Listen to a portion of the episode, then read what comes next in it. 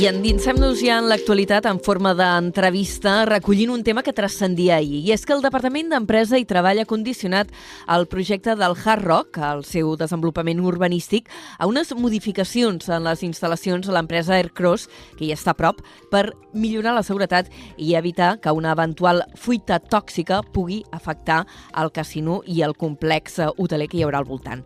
La plataforma Aturem Hard Rock ha celebrat aquest nou informe de la Generalitat perquè consideren que suposen un nou entrebanc en aquest projecte que no volen. De tot plegat en parlarem ara en els pròxims minuts amb el portaveu eh, de la plataforma, l'Eloi Redon. Eloi, bona tarda.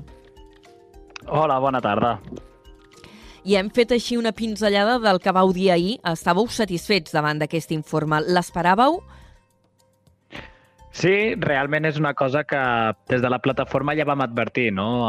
L'any passat, amb l'informe d'acció climàtica, ja ens havien arribat uh, diverses veus des de dins dels departaments que advertien que aquest informe de risc químic també podia ser desfavorable i ara, una vegada tenint-lo a la mà, veiem que sí que tècnicament uh, el qualifica com a favorable condicionat, però és gairebé uh, posar-hi un desfavorable. Nosaltres ja havíem advertit que l'empresa Arcros havia multiplicat per 3 la seva producció a, a la planta de Vilaseca i, per tant, que aquest eh, marge de seguretat per evitar el, els perills per risc químic eh, s'havia ampliat i que segurament eh, tornava a afectar parcel·les d'aquest pla director urbanístic. Per tant, és una cosa que nosaltres ja havíem advertit.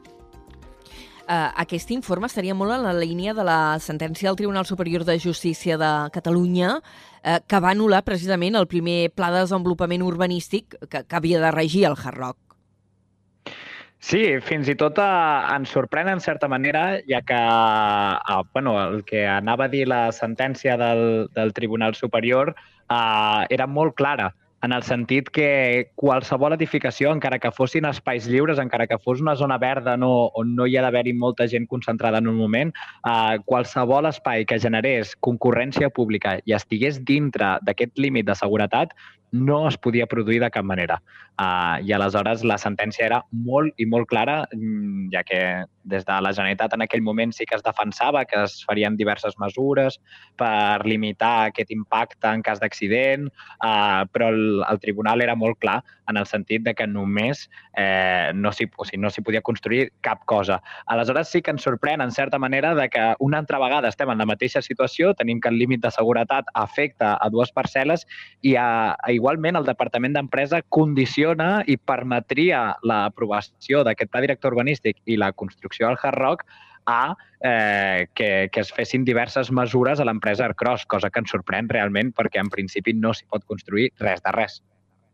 Però aquestes distàncies de seguretat tenim, per exemple, per Aventura, que mm, està a tocar d'aquests terrenys que encara estan pendents d'urbanitzar, eh, i tenim els mateixos barris de Ponent i fins i tot zones de Vilaseca, que si anem a mirar amb lupa, segurament aquestes distàncies de seguretat no hi són. Sí, uh, segur que ens hi trobem això perquè hi ha altres indrets que estan encara més a prop d'aquesta indústria petroquímica. El que tenim és que les normes uh, urbanístiques en aquest sentit difícilment poden ser retroactives. És a dir, difícilment, si ara entrés en vigor una nova llei no, que ampliés encara més els marges de seguretat, uh, no ordenarien uh, destruir Vilaseca no? o, o no ordenarien fer fora tots els veïns de Vilaseca o tots els veïns de la Canonja uh, que estan encara més a prop de la indústria petroquímica. Clar, totes les lleis que han entrat en en vigor eh, degut a que durant els pas dels anys ens hem adonat de la perillositat d'aquesta indústria, tenir-la tan a prop de la població i, clar, el que, el que diu la normativa és que les construccions que a partir d'ara s'hi construeixen han de tenir uns mínims de seguretat. Eh, recordem l'accident d'Iquoxa que una, plat, una planxa de, ser va recórrer gairebé dos quilòmetres fins a arribar, eh, malauradament, a la casa d'una persona. Eh, amb tots aquests antecedents i, i amb tot el que estem veient tal com funciona la indústria, és normal que no s'hi permetin eh, noves construccions eh, tan a prop de la, de la indústria veient tots els riscos que pot comportar. Eh, comentaves que, que aquest informe eh, determina, diguéssim, autoritzaria dos sectors del pla urbanístic i els altres dos és en el que hi veu eh, problemes. Què s'hi ha de fer en aquests dos sectors que resultarien problemàtics per la proximitat amb la indústria? Sí, l'informe el que ve a dir, al final la, el, el pla director urbanístic qualifica de quatre sectors en totals, l'A, el B, el C i el D, Uh, al final, bueno, l'A i el C sí que estan dividits en, en altres eh, sectors també, però al final veiem que el dues sector, dos sectors, el D i B, que són dues parcel·les, en el que s'hi pretén construir, eh, en principi, el que eh, està especificat al pla director urbanístic són usos hoteler, comercial, oci i altres usos, és a dir, on s'hi tenia previst construir realment eh, zones d'hotel, de comerç o d'oci, o sigui, on hi ha d'haver-hi una concurrència pública eh, molt elevada, veiem que en aquestes, aquestes unitats que estan afectades i que estan dintre del límit de seguretat, el que demana el Departament d'Empresa són un seguit de modificacions a l'empresa Aircross, que seria la que està més pròxima o la que és més perillosa per a aquells sectors, un seguit de modificacions que són gairebé estructurals. No estem parlant de modificacions eh, molt petites, tipus aquí heu de canviar aquesta cosa o aquí heu de canviar l'altra cosa, sinó que realment són modificacions substancials en els que els hi estan demanant eh, per exemple, substituir uh, algunes de les tecnologies que tenen ara, instal·lar noves unitats eh, de tot tipus, de producció, de compressió, noves calderes, instal·lar eh, noves torres de refrigeració, per exemple. O sigui, realment són eh, canvis molt estructurals que nosaltres, eh, bueno, eh, en contactes amb l'empresa vam arribar a descobrir que són processos que, tot i que ells ja han eh, començat aquests tràmits administratius per fer-los, sí que van avisar que van molt per llarg, ja que són tràmits mm, burocràticament llargs i tècnicament difícils de complir. Quina valoració feu des de la plataforma Aturem BCN World de les paraules de l'alcalde de Salou, que també ha reaccionat en aquest informe i ha vingut a dir que el risc químic ja existeix, hi hagi mm, hard rock o no? Bueno, estem acostumats a les declaracions de d'aquest personatge una miqueta posant en qüestió, fins i tot no, quan llegíem eh, les declaracions que havia fet, posant en qüestió alguna cosa tan senzilla com que si has de construir al costat d'una indústria petroquímica, el mínim que has de tenir és uns, uh, uns estàndards de seguretat perquè no li passi res a la gent. I veure, posar en qüestió uh, el dictamen de tècnics que són especialistes en aquesta matèria, posar en qüestió que realment existeixi un risc químic és de o bé ser sec o, o de ser molt cínic. Uh, recordem, que ho deia abans, amb l'accident d'Iquoxe i diversos accidents que ha tingut aquesta planta, la perillositat de la indústria petroquímica és molt alta. És un polvorí que està al mig de, de, de poblacions. Què mínim que si s'ha de construir un gran complex que ha de portar tantíssima gent com ell mateix ja augura que hi hagin uh, mesures de seguretat. Uh, ja entenem que els seus interessos econòmics o els interessos que hi ha perquè es desenvolupi el projecte són molt grans, però hem d'advertir que aquests interessos econòmics no passin directament per sobre de la vida, no només de les persones que visitin uh, aquest mateix complex, sinó la vida de les mateixes treballadores que hi visquin allí. Des de la plataforma esteu fent un seguiment bastant exhaustiu de, de tot el procés de tramitació d'aquest eh, pla director urbanístic. Eh, ara hi transcendia aquest eh, document, aquest informe del Departament d'Empresa i Treball, però no és l'únic que hi ha pendent. Eh, ja teníem el d'acció climàtica també, en queden d'altres encara? En principi, els més rellevants només eren aquests dos. El Departament d'Empresa sobre risc químic i el, i el Departament d'Acció Climàtica amb les mesures mediambientals. Després sí que n'hi havia alguns informes menors que, que aquests sí que uh, no dictaminen tant si favorable o no favorable, simplement eren informes més tècnics sobre, per exemple, mesures com la, la, mesures la permeabilització o alguns estudis de mobilitat que també s'havien de tocar, però són estudis que al final eh, es poden fer i que es poden fer relativament eh, ràpids i per tant no ens preocupen gaire. El que ara mateix estem molt pendents és d'aquest informe d'acció climàtica que té la clau eh, per tombar-ho tot o intentar deixar tramitar-ho però nosaltres ho hem advertit també des de, des de fa molts mesos. Tècnicament és molt i molt difícil complir les exigències de l'empresa en matèria d'edificabilitat i metres quadrats que, que hi volen instal·lar eh, i a la vegada complir en les mesures mediambientals. Recordem que el Hard Rock eh, s'ubica just al costat, literalment tocant el, uh, un dels únics espais protegits, uh, que és la sèquia major de tot el camp de Tarragona i dels Prats del Vinyana, uh, i que tota aquella zona és l'últim reducte de, de biodiversitat que tenim les vilasecanes i la gent de Salou i la gent de tot el camp. Per tant, realment és molt difícil que tirin endavant i creiem que el Departament d'Acció Climàtica aquí sí que serà molt ferm amb, amb les seves posicions. Uh, fem una mica de memòria. Aquest informe d'acció climàtica ha sortit ja? Perquè ara, ara mateix no ho tinc al cap. Havia sortit ja aquest informe o encara estem pendents també? Va sortir a l'octubre de l'any passat, va sortir el primer, la primera valoració, la qual era desfavorable, uh, perquè ells mateixos deien hi, hi havia diverses qüestions que no complia el pla director urbanístic i aleshores ara mateix estem en un impàs entre que uh, els redactors del pla director urbanístic han de modificar a aquest planejament d'acord amb el que deia Acció Climàtica i després Acció Climàtica hauria de tornar a fer un altre informe eh, si realment aquestes modificacions compleixen amb els que ells avisaven o no. I davant d'aquests informes de, de la Generalitat, creieu que el govern català eh, està modificant una mica el seu posicionament respecte a Hard Rock, perquè hi havia el compromís de facilitar la tramitació de, del pla urbanístic per poder tirar endavant aquest eh, macrocomplex turístic, però sembla que els informes, com que eh, no són favorables no del tot, eh, enteneu que hi ha un canvi de posicionament o que s'està potser intentant dilatar els tempos? Al final aquí tenim dues qüestions eh, que, que divergeixen una mica. Per una banda, hi ha la voluntat política, que aquesta, per les declaracions que han anat fent el mateix president aragonès o els diferents consellers, ja siguin de territori o, o d'empresa, és que sí que hi ha una voluntat de, de dur a terme aquest projecte. No? Ho vam veure amb l'acord de pressupostos entre Esquerra i PSC, eh, en el que es comprometien fins i tot durant el primer semestre del 2023. Uh, que és un acord que ja no s'ha complert, perquè no s'ha complert, exactament. Ja. Uh, perquè, per altra banda, tenim que tots aquests informes són tècnics. Uh, són informes que elaboren tècnics de la Generalitat.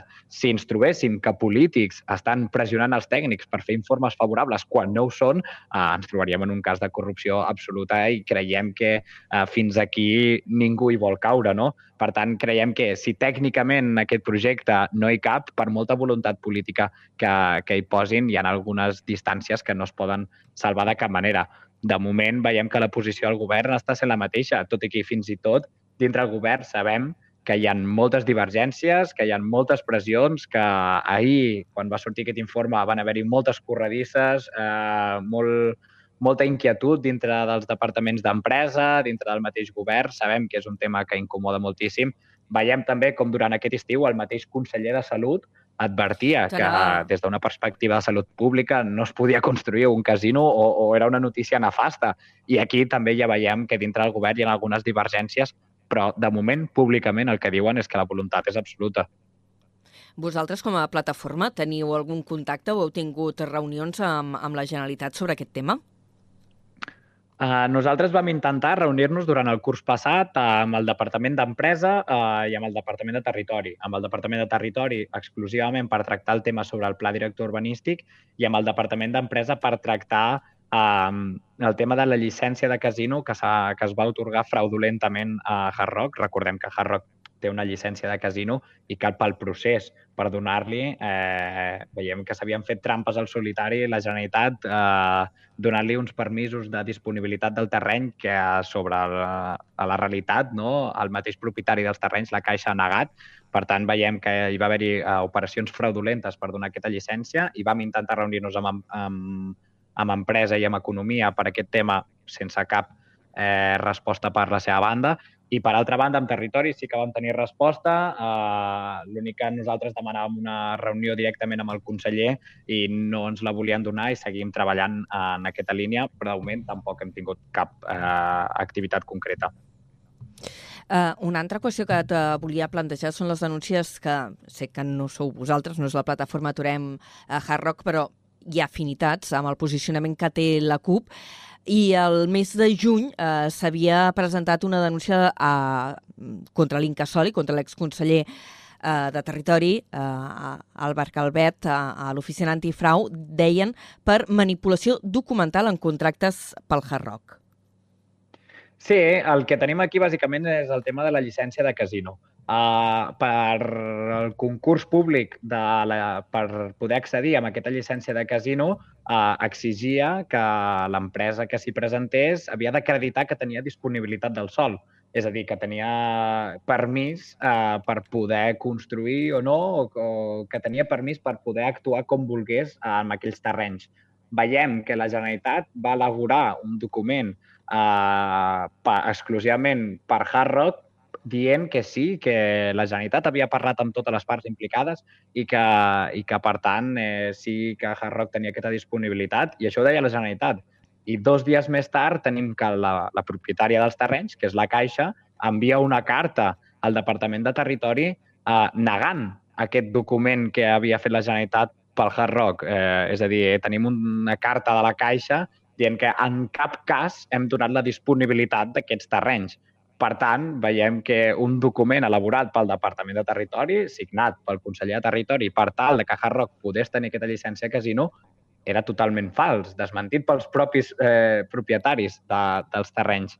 Uh, per aquí anava una miqueta la línia de la denúncia de la CUP, perquè sí que hi han pogut eh, treballar en aquest tema i sí que ens van informar i ens han anat informant. De moment no hi ha cap novetat, també ha sigut estiu uh, i per tant sabem que l'administració descansa alguns mesos uh, i de moment no hem tingut cap més novetat en, en aquest sentit.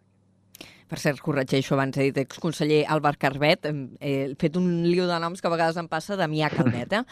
fem aquesta matisació.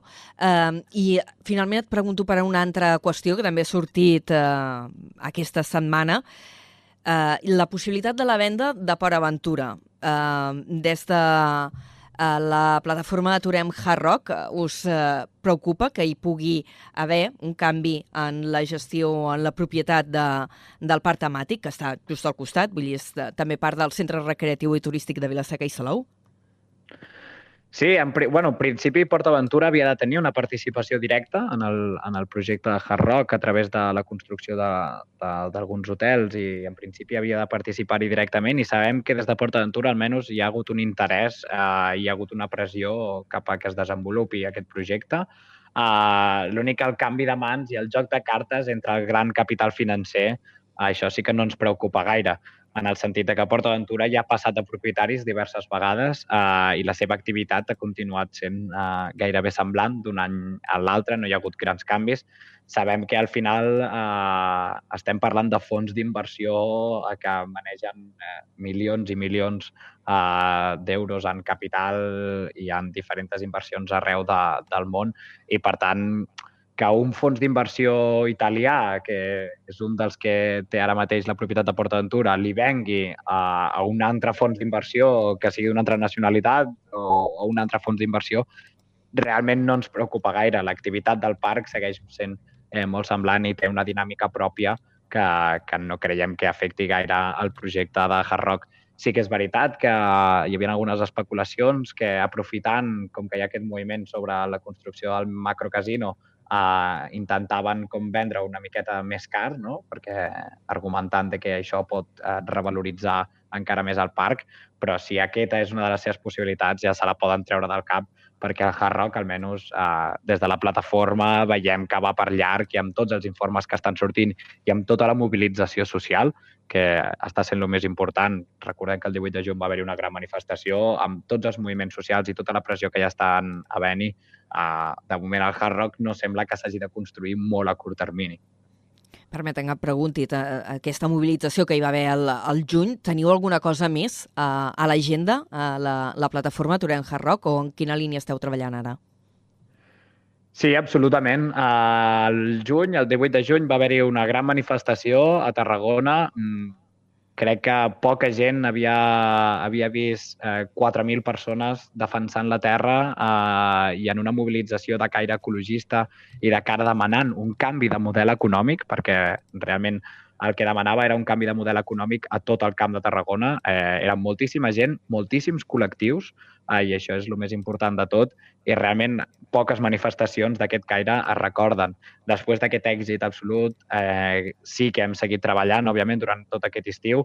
Ara mateix, eh, sobretot, la línia que estem treballant és eh, entre tots aquests moviments que es van poder unir per aquesta manifestació i que vam aplegar tantíssima gent, tots els col·lectius, moviments, els casals, els ateneus, totes les organitzacions que s'hi van posar al darrere, estem intentant constituir uh, una coordinadora i una coordinació entre tots aquests territoris eh, per tal de plantar cara com a Camp de Tarragona, perquè al final la reclamació és conjunta.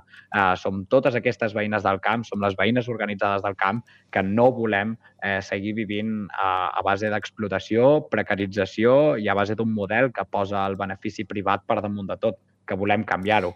Per tant, eh, seguim treballant, sí que tenim noves coses previstes, tenim noves mobilitzacions, cada vegada estem molt més emprenyades perquè creiem que el súmum de l'explotació al camp està arribant als seus límits, tant de les persones i de les treballadores com de la nostra terra, i per tant les mobilitzacions que hi han preparades cada vegada intentaran ser més fortes perquè s'escolti la veu de milers de persones que volem canviar aquesta manera de viure.